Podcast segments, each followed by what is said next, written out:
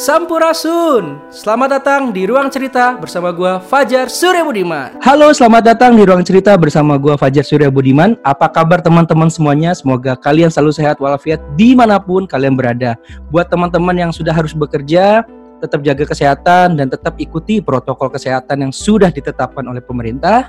Dan buat teman-teman yang masih memiliki privilege kerja di rumah atau WFH, tetap jaga, tetap jaga kesehatan dan juga teman-teman yang lain juga tetap jaga kesehatan dan sampaikan salam saya buat keluarga kalian di mana pun Anda berada.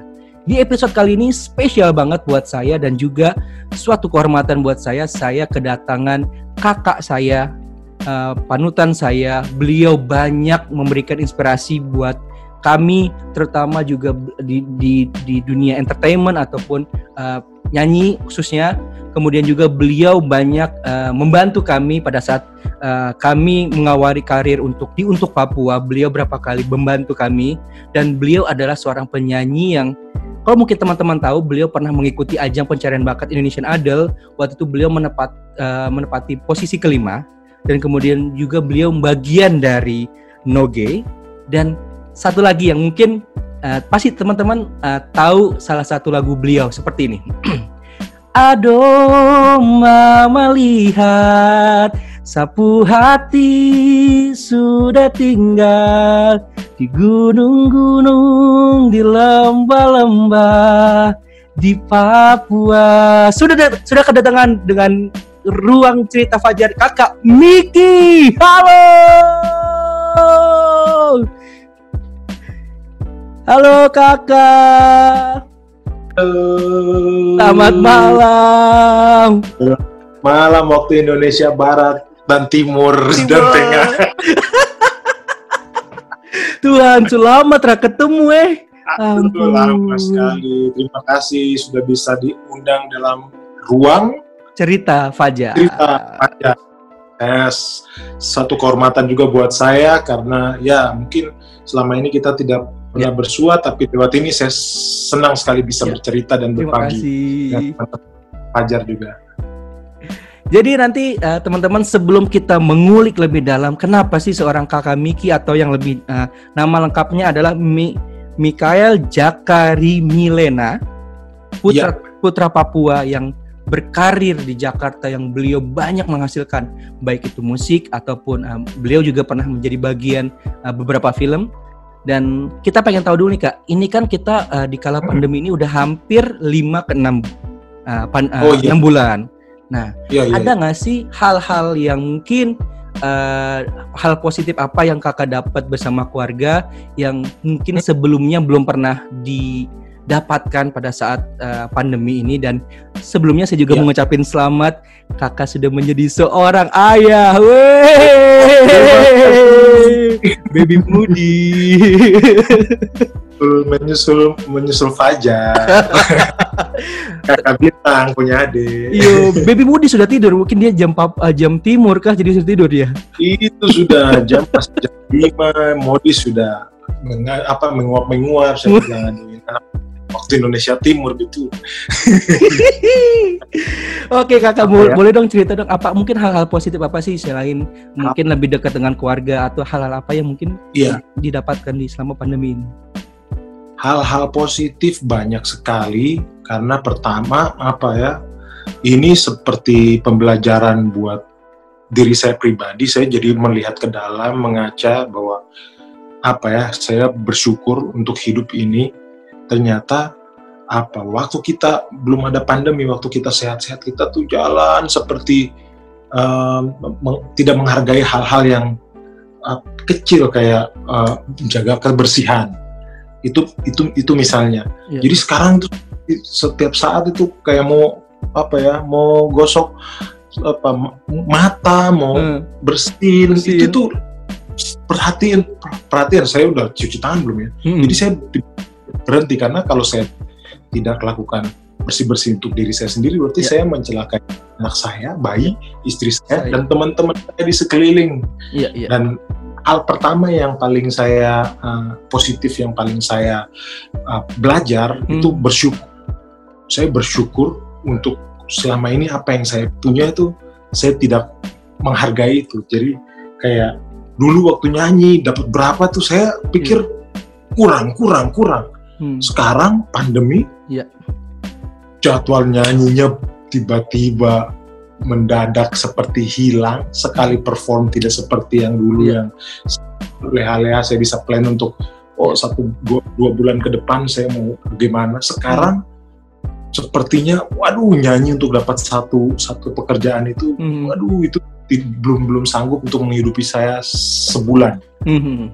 keluarga ya Hmm. jadi saya jadi belajar waduh apa yang saya buat pertama saya stres Ya, ya, saya ya. sampai saya sampai uh, kepikiran Hmm. sampai saya periksa ke dokter karena tekanan darah saya naik Hmm. wow darah tinggi asam Hmm. urat kolesterol itu begitu saya periksa oh gila di atas apa harusnya yang yang optimal ah, eh, harusnya yang normal oh dia naik tinggi Hmm. dan saya pikir, saya harus bisa handle ini kalau enggak Ya. saya enggak bisa bikin apa-apa. Betul. Hmm.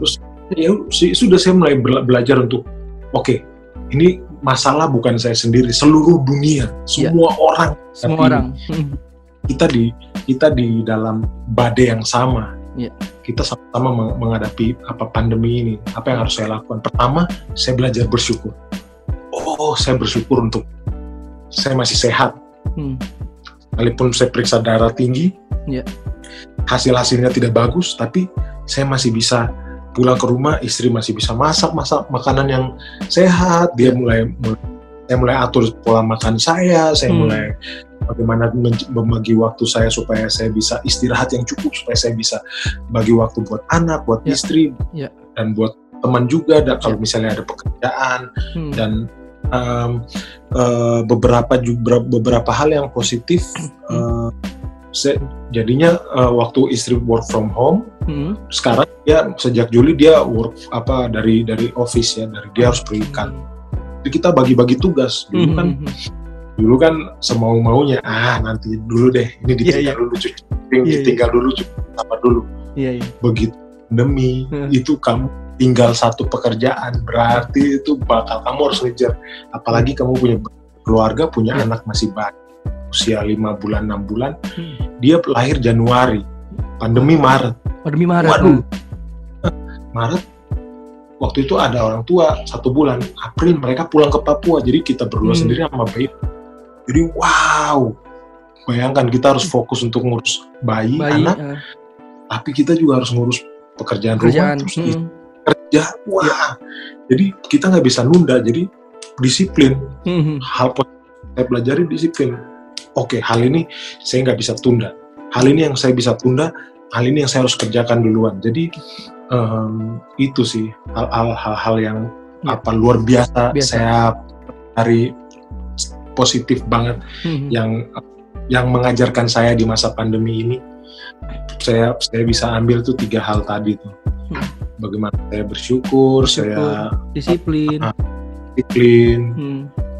ya seperti itu Dan yang ada banyak gimana? ada banyak banyak hal Banyak hal. positif Hmm. cuma yang mungkin saya mau bagi tadi juga Dan yang pasti kak sekarang tuh kalau dulu kita awal bilang bro sehat ya bro, sekarang tuh ber- sehatnya itu jadi doa banget kak. betul Mm-mm. itu betul orang Iya. nanya dulu orang Iya. kita kira masa basi Iya. Eh, kabar Hmm. lu jaga kesehatan kita pikir oh itu nggak terlalu penting Iya. Ya, kecuali kalau belum belum bilang eh yuk kita main bola main bola itu lebih lebih Iya. happy wow sekarang kita lagi stres Iya. teman dekat kalau dia tanya lu gimana kabar baik itu kalau Hmm. teman dekat itu mau nggak mau langsung kita mau curhat kan Betul betul. sebenarnya sih itu pengennya langsung cerita kalau teman dekat kita Iya. langsung Bener kalau bener. bener. Aduh bro saya kemarin begini kemarin saya sakit gini ah lu kenapa nggak cerita gitu Hmm. jadi bener ajar bilang Iya. nanya kabar sehat ya itu itu itu suatu doa Doa kita iya. memberkati Iya. Saya- bahasanya kita semoga berkah kita Iya. memberkahi orang lain Hmm. tapi kita juga otomatis istilahnya Mendoakan happy Happy kita benar. ngasih kan kita nggak bisa kasih apa-apa Betul. kita kasih berkat, kita kasih doa. Iya. Dan itu, itu kembali ke kita secara seca- seperti cermin ya. Iya. Kita begitu memberikan orang lain, kayak kita Hmm. beri orang senyuman itu kesehatan buat Iya. kita sendiri. Energi Dia ya dulu, kak. Bener. kita terima juga itu sendiri pasti orang lain juga dari dari dia juga bilang iya gue doain lu, lu sehat ya wah itu kita Iya. dapatkan mungkin apa ya uh, yang sekarang kita yang lagi kita butuhkan Iya, benar. Mungkin kebutuhan yang lain seperti uang kan kita bisa Hmm, cari tapi betul. kesehatan kan kita ya Betul. Jadi ketika Hmm. kita bilang bro sehat ya itu sebuah energi yang memang buat kita pribadi juga menjadi hal positif buat orang yang di- kita doakan pun menjadi energi atau berkat yang mungkin tidak bisa di apa di, di- dibayar dengan Tidak uang ada. apa pun beda Benar. Ya, bener benar benar makanya kan kita juga selalu bilang di setiap apa langkah kita selalu kita selalu mendoakan siapa pun orang yang bertemu dengan kita kan dengan kita Hmm. memberikan senyum aja kan? Kita nggak bisa memberikan uang nih dengan senyum dengan ya dengan ucapan baik itu memberikan hal yang mungkin tidak tidak mungkin se- ke- sepele tapi itu bermakna banget buat orang lain sih kak. Aku juga merasakan iya benar. Benar benar benar benar. Wow luar biasa banget. Ini baru omongan pertama loh daging Aduh, tapi uh, for your information teman-teman ruang ruang pendengar cerita semua, aku ini uh, kenal dengan Kakak Miki uh, mengenal dalam beliau itu pada saat 2016. 2016 pada Iya, saat itu beliau pertama kali membantu kami di tadi aku sempat mention di awal di untuk Papua. Beliau waktu itu masih Hmm. memban- uh, masih bersama teman-teman uh, apa namanya uh, Swaswa.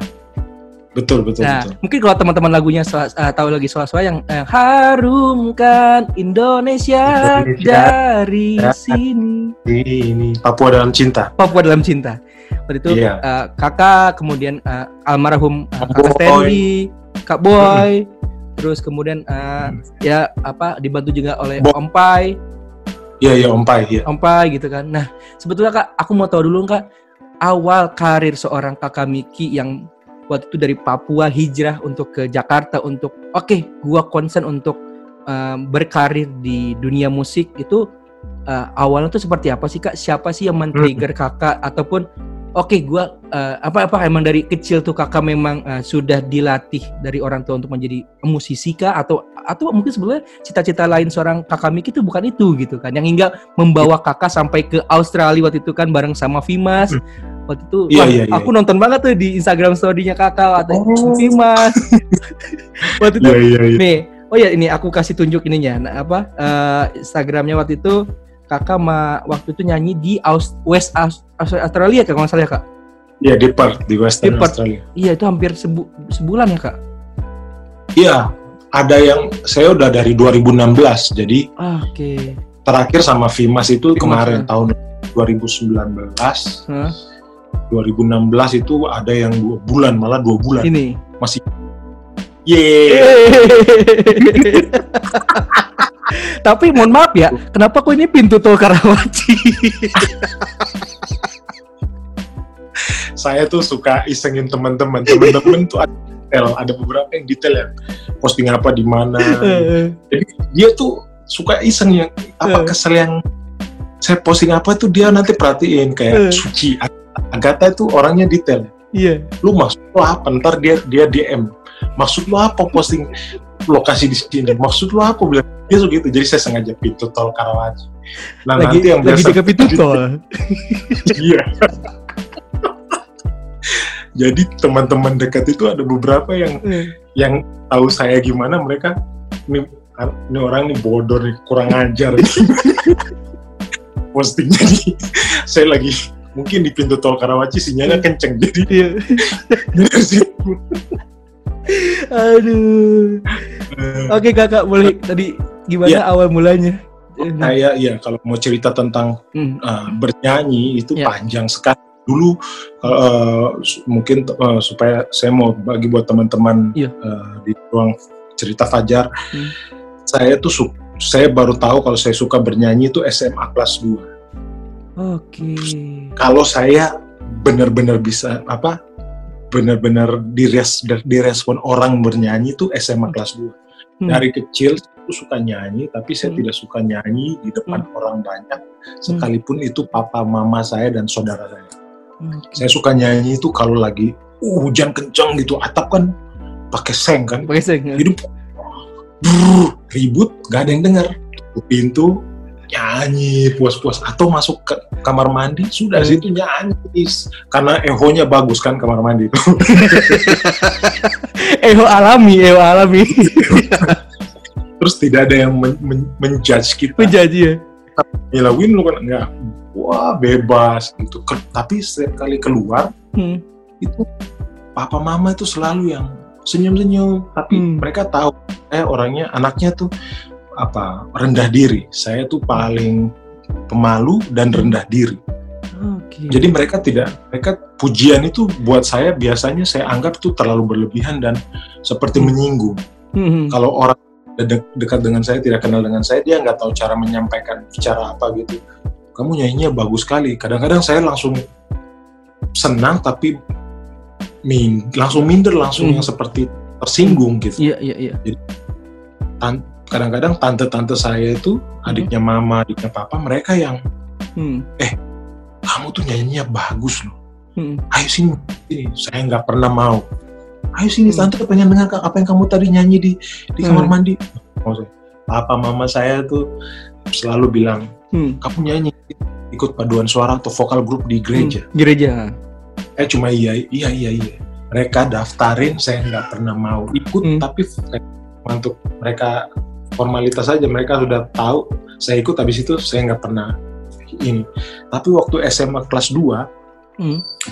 karena mereka tuh selalu bilang kamu nyanyi deh kamu nyanyi deh kamu Hmm. tuh nyanyinya bagus saya nggak pernah nggak percaya bahkan sama omongan orang tua saya Hmm. saya nggak apa saya tuh dari saya kelas 3 SD kakak saya yang nomor satu saya dua dari empat bersaudara kakak Oh, saya kakak nomor berdua. Hmm. saya nomor dua kakak kita dua itu diajarin papa main gitar dari Oke. masih SD kakak saya kelas 5 mau naik kelas 5 jadi papa ajar gitar dia bilang kamu anak laki-laki harus belajar gitar karena nanti satu kali kamu keluar merantau Hmm. papa udah punya pikiran bahwa nanti saya merantau Itu doa Papa tuh, udah- Kak. Doa itu. Iya. oh iya dia Hmm. udah dia, dia udah ngeset bahwa anak kamu anak laki-laki harus bisa main gitar. Kalau kamu udah keluar kamu rindu rumah kamu mau ngapain nggak tahu mau ngapa-ngapain bisa diam pegang gitar nyanyi hibur diri lah. Istilahnya hibur diri biar kamu nggak susah. Dia ajarin cuma saya bilang cuma belajar gitu aja kelas 3 saya baru serius belajar gitu SMP Hmm. kelas 3 Oh, karena lulus sekolah apa kelas kelas apa musik itu harus main gitar sambil nyanyi. Oh, salah satu penilaiannya tuh. Iya, Hmm. sambil main gitar. Jadi dari kelas 3 SD saya Hmm. nggak pernah belajar gitar Hmm. kecuali diajarin papa cuma basic Iya. waktu itu kunci kunci dasar nada do sama dengan A. Eh, Cuma, cuma itu cuma tiga kunci itu A D E A D E A D E. Sudah mulai kelas 3 SMP mulai ngulik sendiri, pegang Hmm. beli buku di di di toko buku Gramedia, terus Mhm. ngulik-ngulik chord gitu. Nah, saya sampai SMA kelas 2 itu teman-teman ngajakin, "Ayo kita nyanyi di hmm. gereja." Hmm. Ngapain? Udah nyanyi aja. Hmm. Kita butuh butuh butuh tambahan penyanyi. Hmm. oh ya sudah tapi saya nggak mau bilang orang tua saya kalau saya nyanyi kan dari dulu mereka berfajar mereka itu selalu bilang kamu nyanyi aja Iya. kamu nyanyi mereka tahu saya nggak mau nggak mungkin mau Nggak tapi mereka tetap Hmm. supportnya baik-baik. Udah kamu nyanyi. Kamu kalau Hmm. nyanyi itu kita senang dengarnya. Nah waktu teman-teman bilang ayo kita kurang orang. Hmm. begitu nyanyi saya tuh nggak tahu kenapa waktu nyanyi kita latihan gini. Teman-teman bilang ganti ganti ganti. Jangan kamu yang solo. Miki solo. Hah? Enggak enggak, saya, saya baru baru kan biasanya vokal grup gitu solo solo solo baru nyanyi bareng bareng Bener, bener. di ref Iya. di ref solo dulu baru pecah suara Iya, iya. ah saya nggak mau enggak kamu solo deh ya udah nggak apa-apa deh rame-rame kan Hmm. udah gitu nyanyi wih jadi bahan bicaraan pembicaraan orang waktu itu di Hmm. di, di rumah saya di di Dok 2 RSUD Hmm. kompleks RSUD Dok 2 Jayapura Iya. ada gereja lokal di situ Hmm. Jadi orang jadi bahas wih ternyata anaknya Bapak Mesak gitu Bapak Eh, Mesak bisa nyanyi ya uh jadi papa mama itu mereka tahu saya nyanyi mereka nggak mau bahas mereka diamin Diem. dia tahu Iya. saya orangnya pemalu. apa, minder, pemalu. Hmm. Sampai saya nyanyi kedua, baru mereka bilang, tadi kamu nyanyi bagus. Bis- tapi biasanya tuh ada dinamikanya. Kalau Ah. nyanyi itu per- slow dulu, jangan langsung kencang-kencang. Hmm. Saya cuma iya iya. Tapi saya mulai, waktu mereka bilang begitu, saya ngerasa disupport. Ah. diam-diam ternyata orang tua juga perhatian dan mereka mau. Di samping itu saya punya dua yang saya rasa benar-benar saya banget tuh dua sepak Hmm. bola sama sama nyanyi. Nyanyi. Udah singkat cerita nyanyi-nyanyi di itu SMA kelas 2. Hmm. Saya pikir saya tetap lulus SMA, Ya. saya bakal di Jayapura. Hmm. Papa mama semua orang tante keluarga semua mereka udah bilang kita harus bagaimana caranya Hmm. bukan punya uh, cara berpikir bahwa dia harus keluar dari Papua. Oke. Rencananya saya dikuliahkan ke Surabaya. Oke. Jadi saya udah mulai main bola, Hah? main bolanya juga serius, ikut divisi 1 Persipura. Oh, Waktu itu- oke. Gak Ah, punya kiper? Kiper. Oke. Karena main waktu itu sayap kanan cadangan ke-6. Jadi semuanya jago-jago. ya sudahlah, pilih yang paling belakang dia aja. Nggak ada yang mau kiper, semuanya mau nyerang nyetak gol. Lah, Eh, gawang Gimana? saya bilang saya kiper berbekal nonton Liga Italia kan idolanya wih, Eh, idol gara-gara mulai serius kiper waktu itu zaman Buffon Buffon mulai Buffon. jago-jago Iya. di FC Parma dulu dia pertama Hmm. Wih, ini pemain jago Hmm. jadi yang mengidolakan dia gitu Hmm. nonton aja nonton bola ambil main Hmm. ternyata ser ternyata mereka lihat ada beberapa teman-teman terus pelatih juga mereka lihat saya main bola juga bagus Hmm. mereka bagus mereka mulai promosiin saya Oke. kamu main kamu main ke liga eh, satu liga di atas satu kasta di atas Hmm. kita bakal titipin kamu ke situ supaya kamu bisa ikut seleksi Persipura. Wih, Hmm. serius nih. Hmm. Apa mama saya juga suka nonton waktu saya main bola. Eh, Liga-liga lokal di Jayapura. Jepura. Ah, sudah mulai di divisi satu Persipura tuh sudah rame gitu. Hmm. Waduh. Saya udah pikir saya cita-cita saya ini saya mau jadi pemain Persipura. Tapi di sisi lain, Hmm. setiap waktu hari Minggu atau Hmm. di, di sekolah mana teman-teman ngajak nyanyi, saya nyanyi. Nyanyi. Ah, dan saya pikir, wah ini nyanyi juga saya banget. Main Hmm. bola dan nyanyi tidak saya banget. Saya udah mulai serius, sudah mulai mereka mulai, oke nanti kita bakal seleksi Hmm. dari tingkat ini. Beberapa nama dipanggil gitu Hmm. untuk diseleksi. Kita bakal mau ngajuin beberapa nama, salah satunya Miki. Hmm. Masih itu dua, dua kasta di bawah Liga 1 lah. Hmm. Biasa dulu divisi 1, divisi utama, baru Liga. Liga, ya. Heeh. Saya di divisi 1, mereka Hmm. mau ke divisi utama. Itu papa udah tahu, wih ini anak mulai serius main bola nih. Eh, Diundang saya makan. makan keluarga, ah, kita makan keluarga.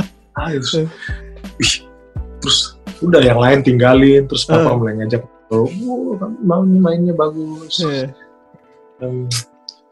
Nggak apa-apa mau kasih tahu kamu kalau Hmm. apa ya supaya kamu tahu aja nih sepak Hmm. bola nggak bakal jadi prof apa karir profesional kamu ya Hmm. wih saya kaget kok dia ngomong gitu Hmm. sepak bola hobi aja Hmm. jadi kamu tidak akan kamu tidak akan jadi pemain bola profesional kamu Hmm. akan saya dan mama kamu akan kulit kirim kamu Hmm. keluar Papua ke Surabaya untuk nikahin. Waduh, Fajar tahu nggak itu seperti Iya. dunia runtuh. Runtuh lah. mimpi, iya, mimpi saya ketutup. Hmm. Waduh, mana nih saya Hmm. punya impian? Saya tahu mereka support saya juga di bola, Hmm. tapi kenapa Hmm. yang dibilang nggak di situ? Hmm. Akhirnya dikuliahin, lulus SMA. Hmm. Waktu itu sekolah menengah analis kesehatan Jayapura Oke. itu ada ada D3-nya di Surabaya. Nah, Ah. makanya saya ke Surabaya. waktu pap kirim saya ke Surabaya, Hmm. di situ saya pikir saya nggak boleh berhenti di sini sekalipun ini bukan seperti ini bukan yang saya impiin, Iya. tapi saya cari sesuatu yang bikin saya ngerasa nyaman, Hmm. saya bisa terus apa ngerasa bahwa saya tidak asal asal asal hidup aja gitu maksudnya Iya. di Surabaya Hmm. tanpa ada tujuan. Jadi saya bergabung dengan teman-teman di gereja juga di GKI Residen Sudirman Surabaya. Hmm. Nah, itu karena waktu saya datang dengan teman-teman waktu pertama kali datang ke Surabaya, mereka hmm. ngajak ibadah, terus hmm. saya lihat paduan para pemuda. Hmm. Di Surabaya tuh kan? Ah, di Surabaya. Ah. Saya lihat para pemuda, saya langsung dalam hati, wah ternyata saya masih bisa terus mimpi saya hmm, masih bisa hidup, saya masih bisa nyanyi di sini. Hmm. Dan betul, akhirnya saya diundang. Hmm gabung waktu itu karena ada apa paduan suara untuk hari raya Natal. Hmm. Undangan datang, salah satunya saya juga diundang karena baru bergabung, sudah saya ikut dan hampir setiap hari Fajar tahu karena hmm. saya homesick, pikir hmm. orang tua, pikir hmm. keluarga. Yeah. Hari saya masuk gereja, padahal nggak hmm. ada apa-apa. Hari latihan vokal grup itu hmm. hari Sabtu. Hmm di latihan paduan suara itu hari Kamis, tapi setiap hari saya pergi hmm. main, latihan, hmm. ikut teman-teman nyanyi, hmm. latihan. Nah dari situ tuh, hmm. waktu audisi Indonesian Idol tiba-tiba tuh, tiba-tiba tuh apa? Teman-teman di gereja itu mereka bawa formulir. Oh, mereka bilang, nggak tahu dong. Lu sebelumnya nggak tahu? Saya, saya nggak tahu sama sekali. Hmm. Jadi waktu latihan gitu, di di TV sudah ada iklan Indonesian Idol. Hmm. Eh nggak ada TV dong, kos-kosannya yeah. cuma enam puluh ribu di Surabaya. Uang kos satu bulan enam puluh ribu. Ya berarti bisa buat tidur. Iya, bener. Cuma punya radio. Hmm. Pas teman-teman bilang kita punya tiga formulir, kita mau kasih buat tiga tiga anak yang kita pikir mereka bisa ikutan. Salah satunya saya. Hmm, okay. lagi itu Fajar bayangkan sampai di Surabaya kuliah pun saya masih merasa minder rendah diri hmm. Hmm. jadi saya suka ikut paduan suara yang nyanyi rame-rame hmm. tiba-tiba mereka datang ada kita punya formulir tiga hmm. kita mau kasih ke teman-teman hmm. kita yang kita pikir bisa mewakili hmm. area-area Surabaya gitu teman-teman resut maksudnya apa hmm. mereka ini salah satu Nur Nuraini Nuraini tuh dia istrinya Mas Brilian Yotenega yang oh. pen, pen, ownernya nulis buku.com kalau Fajar pernah dengar yeah, yeah, yeah. nulis buku.com storyal.co itu itu ownernya. Nah itu dia saya kakak saya pemuda di Surabaya. Suaminya si Nur ini si Mas Brilian Yotenega ini sekarang berkarir di Jakarta. Dia itu yang benar-benar kayak apa ya? Dia tuh kayak punya karunia yang mm, mungkin anugerah ya. Tuhan kasih mm, dia untuk mm. kayak gampar-gamparin saya. Hehehe mm. itu jalannya ke sini. Kamu itu cukupnya di sini. Kamu itu bakatnya di sini. Dia tuh begitu. Dia tuh yang tiba-tiba mereka datang bawa formulir. Dia bilang kamu nanti saya temenin tenang aja. Kamu sama waktu itu belum jadi istrinya. Masih teman-teman pemuda. Jadi sama istrinya ini yang kita berdua pergi ditemanin audisi. Waduh, dia itu sampai teman audisi sampai waktu itu mereka bilang kalau belum 21 tahun kamu belum bisa ikut kecuali ada tanda tangan kontrak dari wali orang tua. Saya waktu itu 21 baru nanti bulan Juli berdaftarnya bulan Februari. Berarti masih pucuk tuh ya? Itu tuh sampai pucuk, pucuk busuk lah, bukan busuk.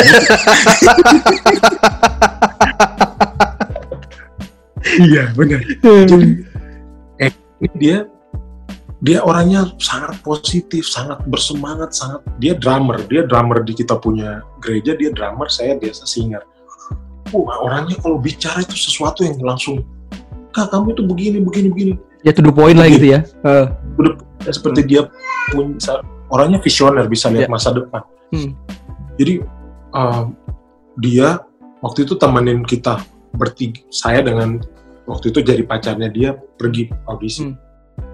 Saya udah antri Fajar 8 hmm. jam.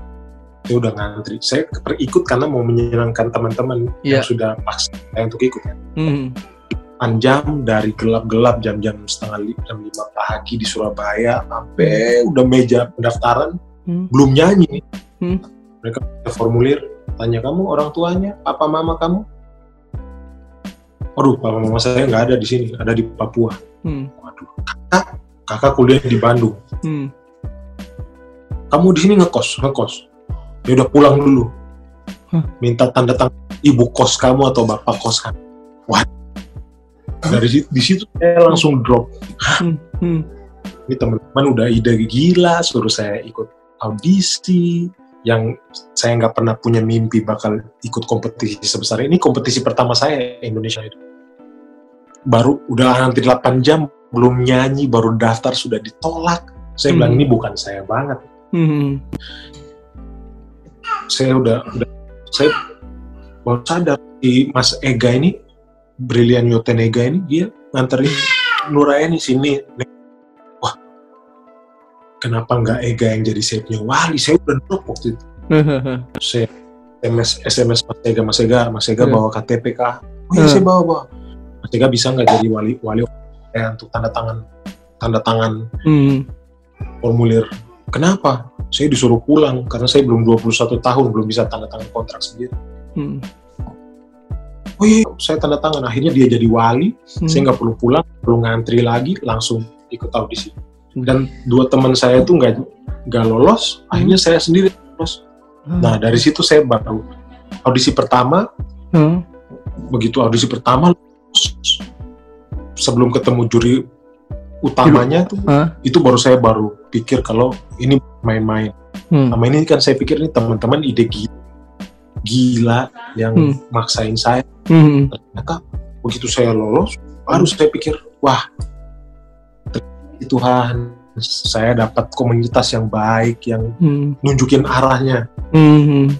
sini kamu tetap di sini kita support kamu kita ada untuk kamu lalu akan belain kamu kita akan Hmm. kamu perlu apa kita ada Hmm. bayangin itu teman-teman di yang setelah sekian lama mulai dari saya kecil Hmm. sampai mulai papa udah ngajarin main gitar sampai saya SMA ternyata disuruh pindah ke luar Papua daerah Hmm. zonanya saya Hmm. malah di Surabaya dapat kesempatan itu itu kebuka di Surabaya dan saya baru yang saya mau bagi buat teman-teman kesempatan itu akan selalu ada tapi dia kamu nggak bisa bakal jadi apa-apa kalau nggak Ya. kamu sendiri yang hari itu kalau teman sekalipun teman-temanku udah dukung tapi kalau saya bilang nggak saya nggak bisa pasti saya nggak jadi seperti sekarang nggak bisa berbicara dengan Fajar seperti saat ini itu karena kalau ada yang penting di dalam hati kamu kamu mau Hmm. kamu rasa passion kamu itu ini yang kamu cintai benar-benar ini kamu banget kamu harus harus harus lakukan itu Harus Jadi, kejar itu. iya harus kejar itu Hmm. jadi waktu saya bilang iya begitu saya rasa waktu lolos uh itu saya pulang ke kamar kos-kosan saya itu Hmm. Itu saya nggak makan nggak minum itu kayak anak kecil nangis Hmm. saya hancur, saya nangis, saya ber- berdoa, saya minta maaf sama Tuhan. Selama ini saya udah apa eh, tidak percaya sama kamu. Saya Hmm, nggak hmm, nganggepin Alenta ini kecil. Hmm. Wajar bayangin saya nggak pernah punya pengalaman nyanyi di mana-mana, cuma nyanyi di gereja. Hmm. Kompetisi, tiba-tiba disuruh ikut. Saya nonton American Idol dong, juaranya itu Iya, iya. tiba-tiba ada Indonesian Idol season pertama. Pertama lagi. Bener. penyanyi orang di, di Indonesia yang kulit hitam cuma siapa? Kakak Edo Kondologi. Iya. Terus tiba yang idol. Hah. Saya waktu baca pertanyaan pertama formulir sebutkan Hmm. lima hal yang menarik di diri kamu. Itu saya tuh langsung drop. Saya bilang nggak ada yang menarik dari diri saya. Saya tuh anak kos. Hmm. Saya tuh istilahnya bukan orang apa-apa. Saya bukan orang berada. Hmm. Saya eh, hitam, keriting, jelek di TV, di televisi itu tidak, di televisi itu yang mainstream itu tidak ada yang seperti saya. Saya tuh nggak ada apa-apanya. Hmm. Jadi dari dari itu saya udah menunjukkan bahwa mental saya tuh nggak di situ. Hmm. Tapi begitu juri bilang ya kamu lolos ke babak berikutnya. Selamat untuk ketemu juri utama Hmm. Indra Lesmana, IBJ, Mutia Kasim, Dimas J. Itu saya pulang dari situ, saya nangis, saya langsung oke, yang saya bisa apa? Setiap pagi saya bangun mungkin satu minggu sebelum nggak hampir satu minggu ketemu empat juri Hmm. pagi-pagi itu saya jam 5 saya lari Hmm. dari dari Karangmenjangan ke stasiun Hmm. Gubeng Hmm. ke balai kota saya latihan pernafasan yang saya Hmm. bisa sampai. Hmm. saya bilang saya harus siap apa pun itu pokoknya besok ketemu juri yang saya punya yang saya bisa saya kasih. Hmm. itu ajar bayangin waktu pertama ketemu juri saya siapin tiga lagu Hmm. saya nyanyi lagu pertama itu tiga juri itu ketawa. Saya, saya nyanyi tuh dulu pemalu penakut tunduk Eh, sambil merem. Saya pas buka mata li- lirik sedikit tiga juri tuh lagi ketawain saya kayak tapi Mas Indra Lesmana itu yang tetap dia Eh. liati eh. Lagu apa tuh kak waktu itu kak pertama kali kak? lagu pertama tuh saya nyanyi lagunya um, oh lagunya Kahitna seandainya oh, Oh ya, ya seandainya eh, aku tuh bisa Bisa terbang terbang. ku gapai engkau kekasih itu saya me- melek itu lagi Hmm. ini aduh ini yang menyanyi kayak begini kayak gitu. Karena saya tutup mata lagu kedua saya nyanyi lagunya Edo Kondologit Hmm. dia punya single masih awal-awal deh. Eh. itu mereka itu 50-50 Indra Lesmana sama Titi DJ Titi DJ udah mulai senyum. Ya lah tapi dua dua ini Mutia Kasim Dimas J masih Hmm. tolak. Tidak. Hmm. jadi eh, Mas Mas Indra Lesmana tetap bilang gini saya nggak percaya Hmm. kamu nyanyi kayak begini tunjukin sama mereka buktiin bahwa kamu tuh nyanyinya nggak kayak gini Hmm. kamu pasti lebih, lebih bagus dari ini Hmm. udah lagu ketiga tuh kalau nggak salah Andre Hanusa aku karena aku tahu engkau begitu saya Hmm. cuma siap tiga udah Duh, udah habis nih stok lagu nggak nyanyi lagi Hmm. kamu ulang deh lagu sebelumnya terus kayak dapat ilham gitu Hmm. dikasih dibilang nyanyi US Me Up kan kamu selalu nyanyi US Me Up kalau di acara acara-acara teman-teman minta kamu nyanyi di wedding di mana. Nyanyi itu aja. Hmm. Uh, itu lagu. Lagunya memberi ke duh untuk saya pribadi saya suka lagu itu. Hmm. Terus, oke saya nyanyi coba nyanyi lagu US Me Up waktu saya nyanyi pertama bait pas mulai masuk ref saya merem eh melek. Saya lihat gini wah juri-juri yang tadi ketawain udah senyum. Udah udah senang gitu. Wah ini baru ini baru begitu saya selesai nyanyi. Langsung mereka bilang kenapa lu nggak nyanyi gini dari tadi? Hmm. langsung mereka iya saya masih yang nggak percaya kan. Hmm. Tiba-tiba mereka langsung sudah tawarin gold gold ticket. Hmm. ini ini buat kamu nih. Hmm. saya masih ya. Ya bengong. Mereka bilang ini buat kamu kamu lolos. Wah puji Tuhan alhamdulillah terima kasih akhirnya lolos Fajar jadi dari situ awal berkarir itu saya langsung dari Surabaya yang lolos cuma 14 orang dari 6.000 audisi 14 orang. 14 orang termasuk Nania Nah, Nah, dia oh, oke. saya. dari dari 14 orang itu dari Hmm. lima kota besar di Indonesia Jogja, Surabaya, Medan. Jakarta, Bandung, Medan Hmm. itu masih diseleksi lagi terkumpul 130 jadi Iya. di Jakarta tuh 130 turun turun 130 70 70 60 60 30 Hmm.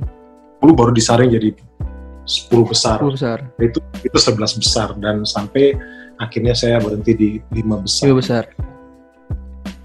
Berarti waktu jadi itu begitu kakak eh, bareng sama Kaluki, Nah. nya eh, Kak Nania. Joy, Joy Tobing, terus Tobing pemenang. Iya pemenangnya. Siapa lagi ya? Delon Delon. Eh kalau Kak Nobu ketiga ya kak? Nobo ketiga Nobo Nobo harusnya ikut ikut yang pertama juga Nobo dia Oh. langsung dari eh, Jayapura Hmm. dia udah diizinin dari Pemda Jayapura waktu itu kan dia udah Hmm. pegawai negeri sipil Hmm. dia diizinin tang jadi orang-orang kira saya itu Nobo yang perwakilan Pemda Papua. Iya. Eh, mereka cara saya bilang oh tidak saya kuliah di Surabaya sedangkan saya itu. Eh. dan Bobo juga waktu itu dia drop. Waktu dia nggak lolos itu dia pulang dia drop. Waduh dia pokoknya dia bilang dia malu lah. Dia Hmm. udah ber- ber- berjuang berusaha. Hmm. ternyata dia bisa ikut yang ketiga. Ketiga.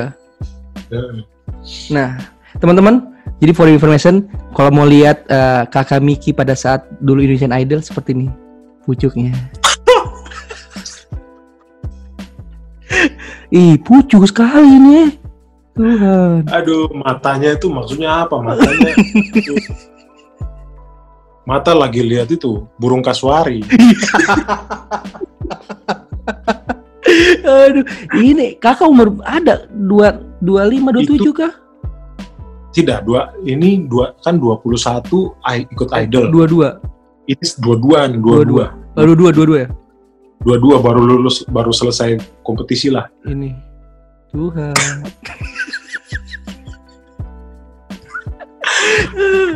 Aduh, ampun. Berapa? Nah, ini ini waktu beliau uh, ikutan yang waktu itu lagunya lagu rame-rame Ya. tuh. Ini Tuh, ini dua ini ini dua satu. Ya betul, 21. Siapa Ini saya- Pak Dede? Rame-rame gitu.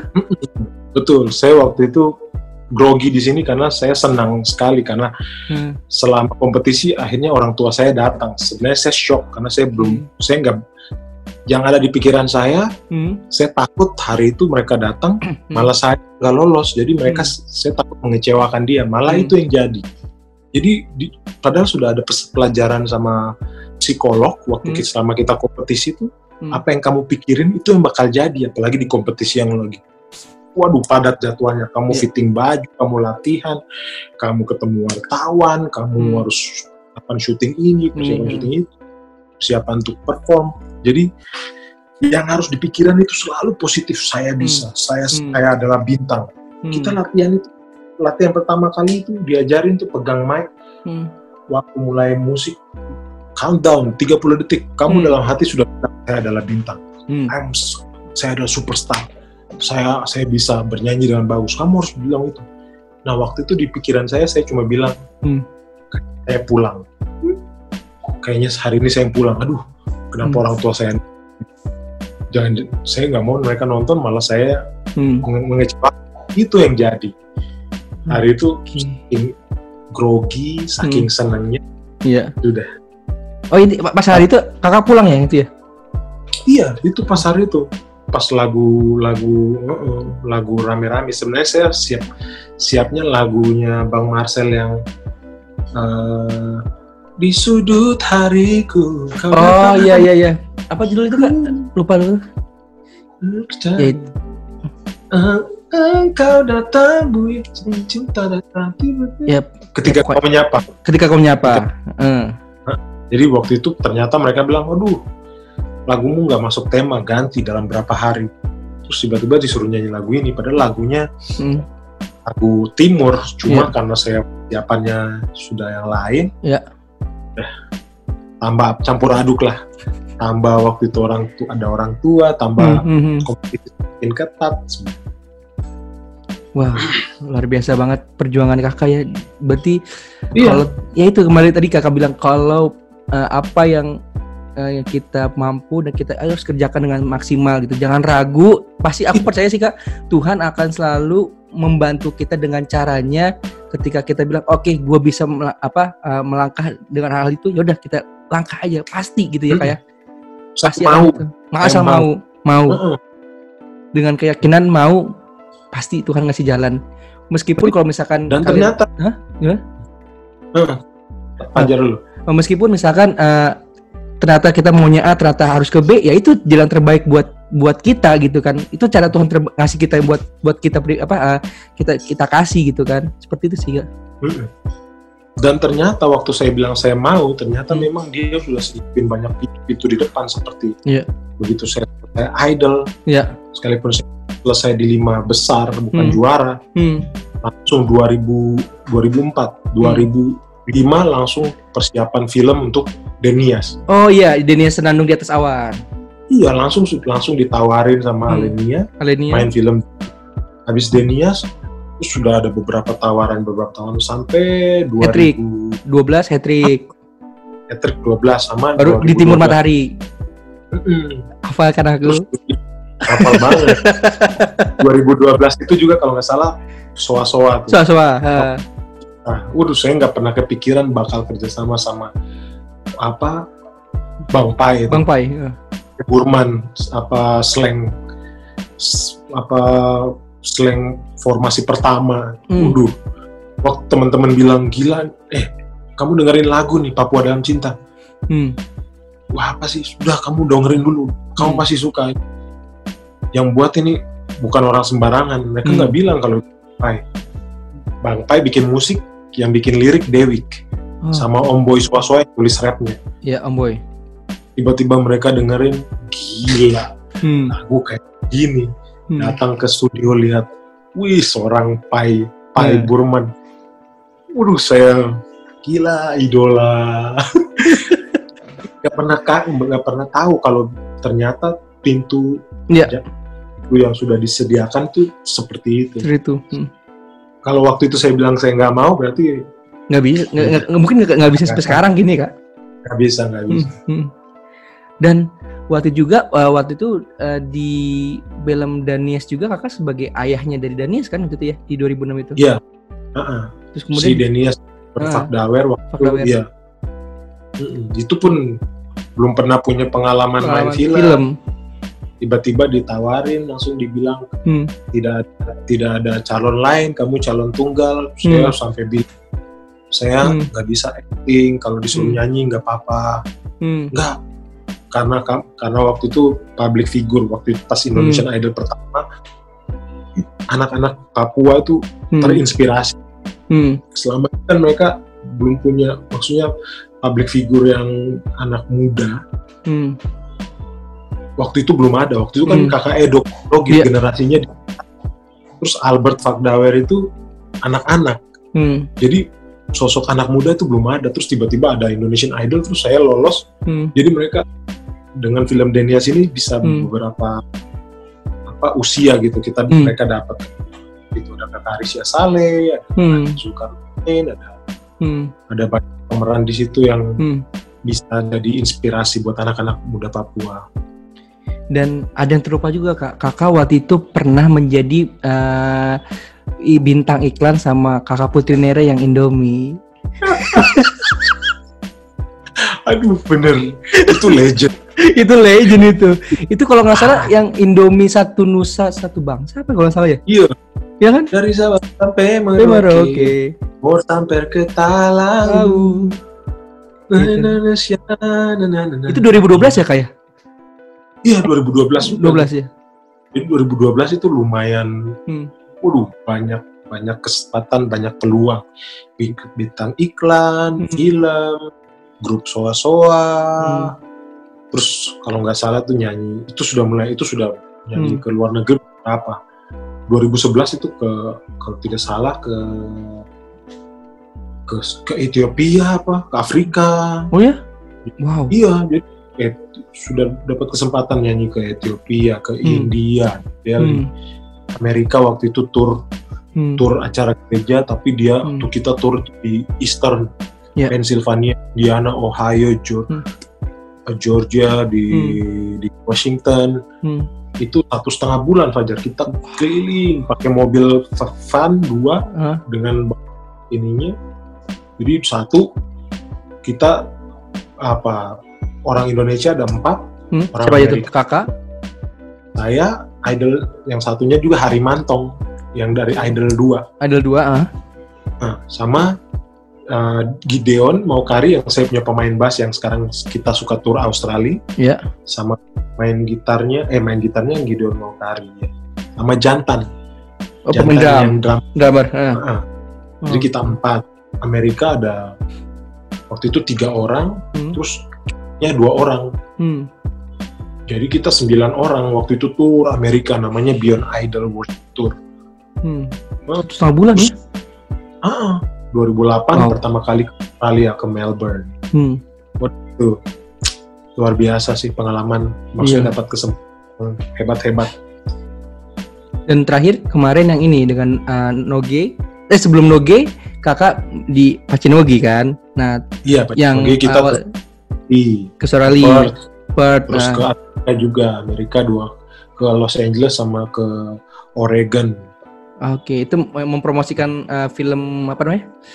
Film di Timur Matahari. Di Timur Matahari. Ah, Sama kita kunjungin mahasiswa-mahasiswa Papua di sana. hmm. Ya, motivasi mereka. Karena ada program pemerintah yang dokter ya, program Ya. dokter gitu. Perpulutan.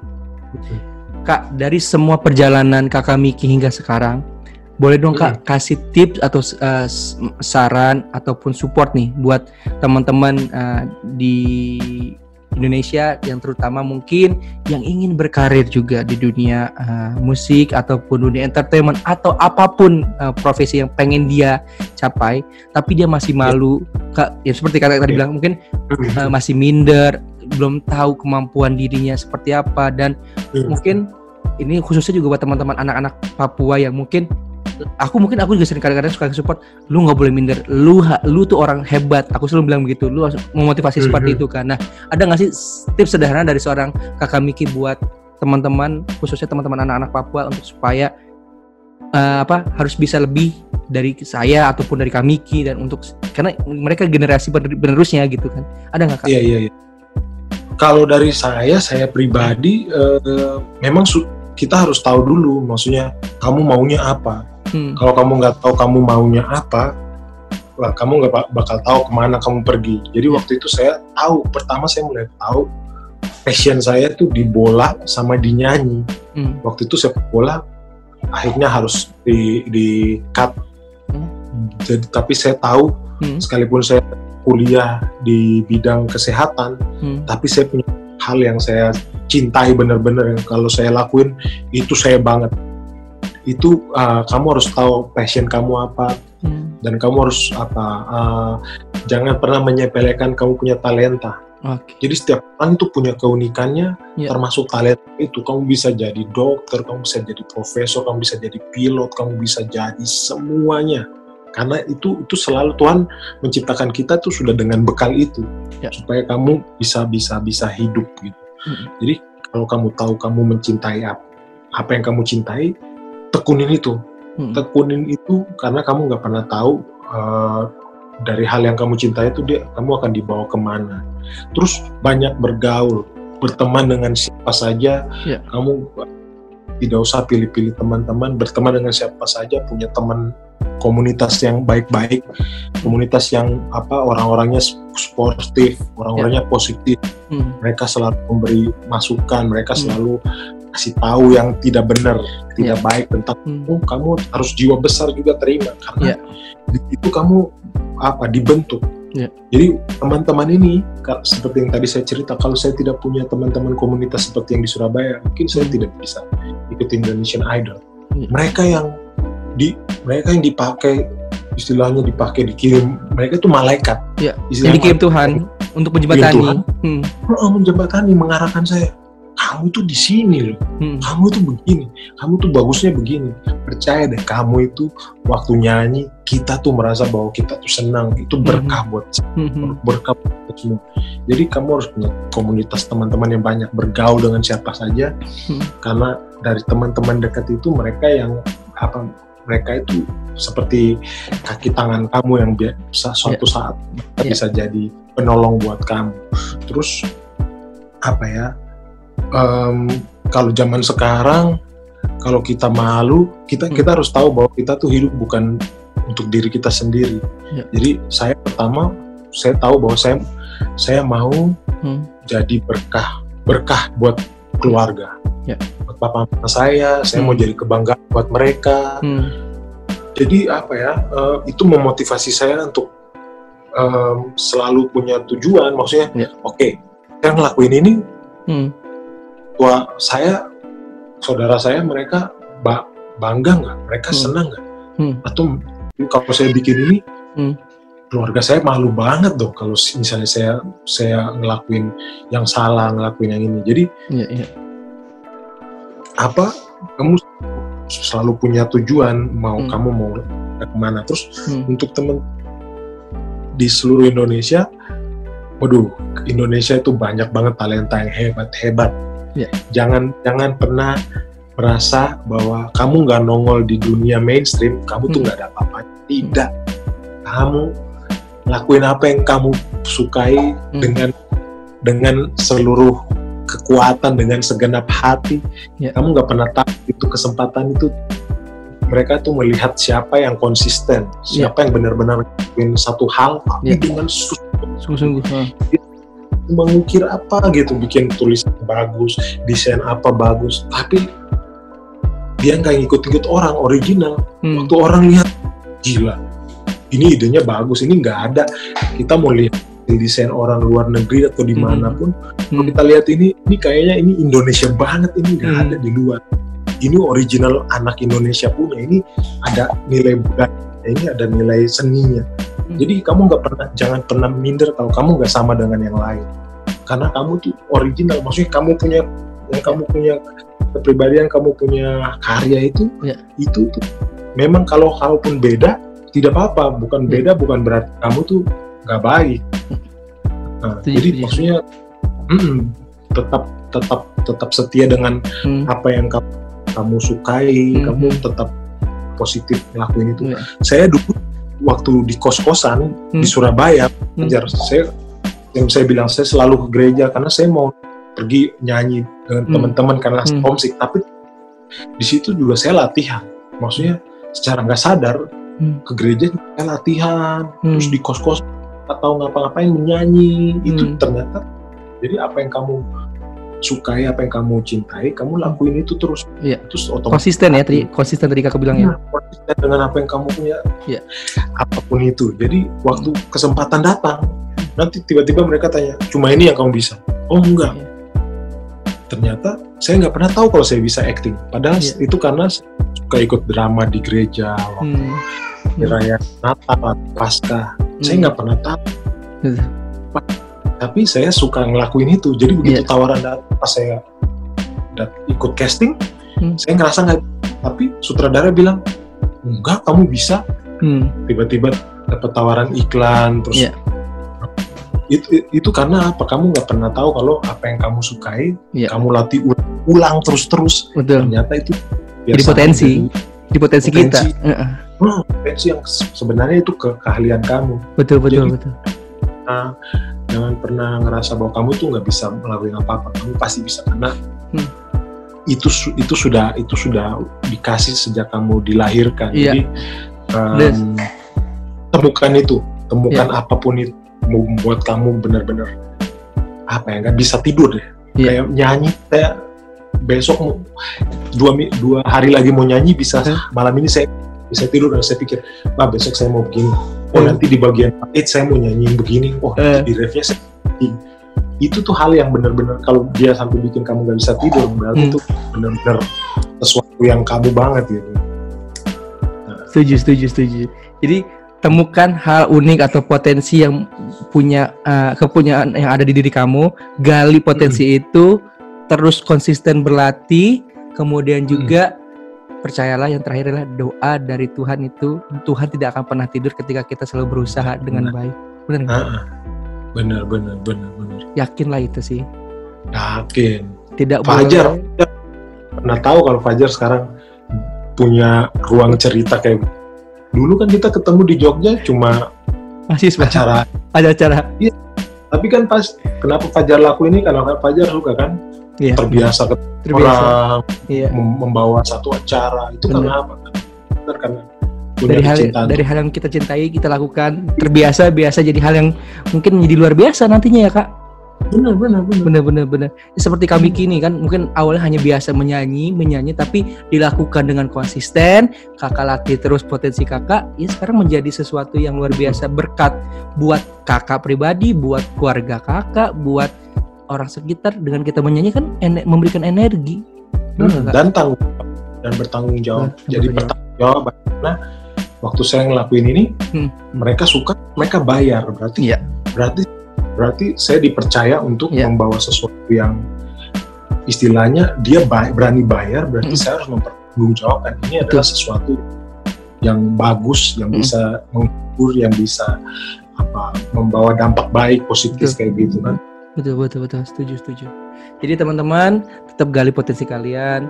Jangan pernah minder. Percayalah Tuhan akan selalu berada di samping kalian setiap saat. Oh tuh percayalah. Kalau enggak dia pasti kirim malaikatnya kamu bener. kamu ingat-ingat deh siapa orang yang selalu kayak lalat kayak nyamuknya muter-muter di telinga. Ini ngapain sih ngeganggu? Dia bakal seperti ngeganggu tapi Eh. itu dia kasih tahu kamu tuh begini kamu Iya. tuh begini kamu tuh begini itu ingatan buat kamu tetap jalan ke jalur kamu yang sudah di, di sudah digariskan seharusnya. Betul betul betul. Setuju setuju setuju. Oke, Kakak Miki, pertanyaan terakhir sebelum kita tutup di ruang cerita. Kakak, bolehkah kasih dukungan buat teman-teman garda terdepan yang hingga saat ini belum bisa pulang, yang masih berjuang di garis terdepan menjadi ujung tombak untuk membantu dan melawan COVID-19 dan juga mungkin ada nggak sih sedikit saran dari kakak Miki untuk teman-teman yang masih kurang aware kurang aware terhadap uh, apa kita kan saya yakin kakak Miki, saya semua kena dampak, semua bosan pasti. Tapi kalau nggak kita lakukan ini bersama-sama, pandemi tidak akan selesai gitu. Jadi ada nggak sedikit saran dan dukungan buat teman-teman garda terdepan hingga saat ini masih berjuang yeah. di masa kita kak? Kalau saya buat garda terdepan yang masih berjuang nih saya apa kagum, saya hormat karena saya basicnya sekolah kesehatan di laboratorium dan orang lab itu yang pertama kali berpapasan dengan ya. bahan dengan pasien ya. dengan apa bahan substansi yang mereka hmm. periksa dari dahak, dari darah, hmm. dari feses, dari hmm. urin itu resikonya sangat besar. Hmm. Jadi saya apa sangat hormat untuk pengorbanannya, untuk pengabdiannya, untuk apa yang dia kasih um, buat bangsa ini buat orang-orang yang mungkin dia nggak kenal sama sekali tapi dia mau bekerja dengan dengan tulus dengan ikhlas dengan bertanggung jawab kakak saya dokter juga hmm. kadang-kadang nggak punya waktu untuk keluarga karena dia harus operasi operasi hmm. uh, prosedur kesehatan waduh jadi saya mendoakan um, tetap tetap sehat tetap produktif tetap uh, punya waktu untuk keluarga tetap diberikan uh, um, apa anugerah kehidupan supaya bisa masih bisa bertemu dengan keluarga sakit penyakit itu dihalau oleh yang maha kuasa supaya supaya tetap apa berka, bekerja yeah. untuk menangani keluarga yeah. dan punya waktu juga untuk keluarga uh, untuk yang teman-teman yang belum aware apa ya yang tadi saya bilang hidup ini bukan tentang kita sendiri. Ya mungkin kamu pikir apa ya uh, nggak ada salahnya kok maksudnya hmm, pakai masker. Uh, karena memang situasinya lagi begini jaga jarak. Ya. uh, kalau kamu nggak tahu kamu nggak mungkin bisa cintai orang lain kalau kamu nggak cintai diri kamu sendiri. Ya mencintai diri kamu itu yaitu dengan itu menjaga supaya um, tidak tidak terkontaminasi, tidak tidak terpapar. Kalau hmm. kamu bisa menjaga diri kamu berarti kamu menjaga orang lain juga. Jadi maksudnya kita sama-sama jaga hmm. jaga kehidupan ini um, supaya uh, kalau Tuhan izinkan semua bisa berjalan dengan baik dengan normal secepat mungkin hmm. secepat mungkin hmm. karena menurut saya itu hal kepercayaan kalau kita nggak nggak nggak bisa menyelesaikan kepercayaan hal hal kecil saja hmm. hal kecil kayak nggak nggak nggak bisa bertanggung jawab ngepel bersih bersih rumah kamu nggak mungkin dikasih kepercayaan untuk yeah. punya rumah karena rumah rumahmu sendiri kamu nggak bisa bersihin, kamu nggak bisa hmm. menjaga maintainnya, hmm. kamu bisa memelihara rumah yang lebih besar. Mungkin itu. Kak, terakhir boleh nggak kak uh, hmm. kasih sedikit nyanyian buat teman-teman garda terdepan dari seorang kakak Miki untuk hmm. kawan-kawan hmm. yang dengar ruang cerita, terutama dokter, relawan, suster yang sampai saat ini di seluruh Indonesia atau di negeri ini yang lagi dengar spesial dari Kakak Miki apa pun lagunya spesial buat hmm. kalian dari Kakak Miki silakan Kak. Oke. Belum kepikiran lagunya. Mungkin Papua dalam cinta boleh atau tinggal Papua juga boleh bebas atau yeah, I believe yeah. atau I believe I can fly boleh. Cielah. Sadar. Sadar. Itu Kakak Miki banget nih itu dalam kali. Atau yang itu kak apa Yuris Miap juga boleh? Oh iya Yuris Miap ya. Iya iya. When I am down and know my soul so weary. When troubles come and my heart burden be, then I am still wait here in the silent until you come and a while with me. You raise me up so I can stand on mountain. You raise me up to more I can be. I am strong when I am on your shoulders to raise me up to more than I can be. Saya salah liriknya tadi, tapi doa yang terbaik untuk kalian semuanya. Kakak Miki. Terima kasih banyak Kakak Miki. Iya. Meskipun Tuhan belum bisa mempertemukan kita, tapi eh, meskipun raga uh, belum bisa bertemu, tapi hati dan doa selalu menyertai kakak serta keluarga semuanya. Doa yang sama, semoga kasih penyertaan Tuhan beserta Fajar dan keluarga semua. Amin, amin, amin. Berkah buat semuanya dan yang pasti tem- teman-teman yang lagi dengar ruang cerita tetap semangat, tetap konsisten, gali potensi kalian dan percayalah Tuhan akan selalu membantu kita di kapan pun dan di mana pun kita saat ini berada. Percayalah Betul. itu. Dan yang pasti sekali lagi buat teman-teman yang mungkin belum uh, mau banyak bertanya dengan Kakak Miki, silakan juga untuk follow Instagramnya Kakak Miki di Ya, Mikael Jakarimilena. betul. Kemudian uh, kalaupun misalkan teman-teman uh, mau ngundang Kakak Miki juga boleh. Ya, ya, ya. Masuk. Masuk. Dan yang pasti teman-teman jangan lupa juga follow, uh, uh, like, comment, dan subscribe Ruang Cerita Fajar. Masih banyak lagi cerita-cerita episode lainnya yang menginspirasi kalian uh, di mana pun kalian berada. Sebelum kita mengakhiri kakak, kita ada Hmm. tradisi untuk foto virtual. Oke. Oke, kita foto dulu biar My Tua tahu itu. Ay, memang luar biasa ini kakak dorang ini. Aduh, oke yuk. Satu, dua. Sekali lagi kak, satu, dua.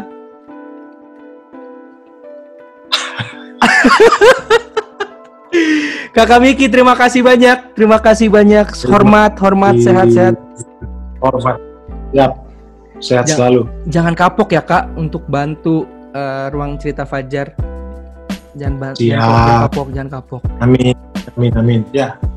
Sekali lagi terima kasih banyak untuk kakak Mikael Jaka Milena atau kakak Miki untuk waktunya. Semoga sehat selalu. Eh, semoga kakak selalu di dalam lindungan Tuhan yang Maha Kuasa untuk semuanya dan yang pasti jangan lupa like, comment, dan subscribe eh, YouTube-nya channel eh, Ruang Cerita Fajar dan sampai ketemu di lain kesempatan bersama narasumber lainnya hanya di Ruang Cerita Fajar. Selamat jumpa, eh, selamat selamat selamat alah, selamat malam, sampai jumpa. Dadah. Terima kasih kakak. Hai, jangan lupa ya untuk like, comment, and subscribe channel YouTube Akang ya. Hatur nuhun.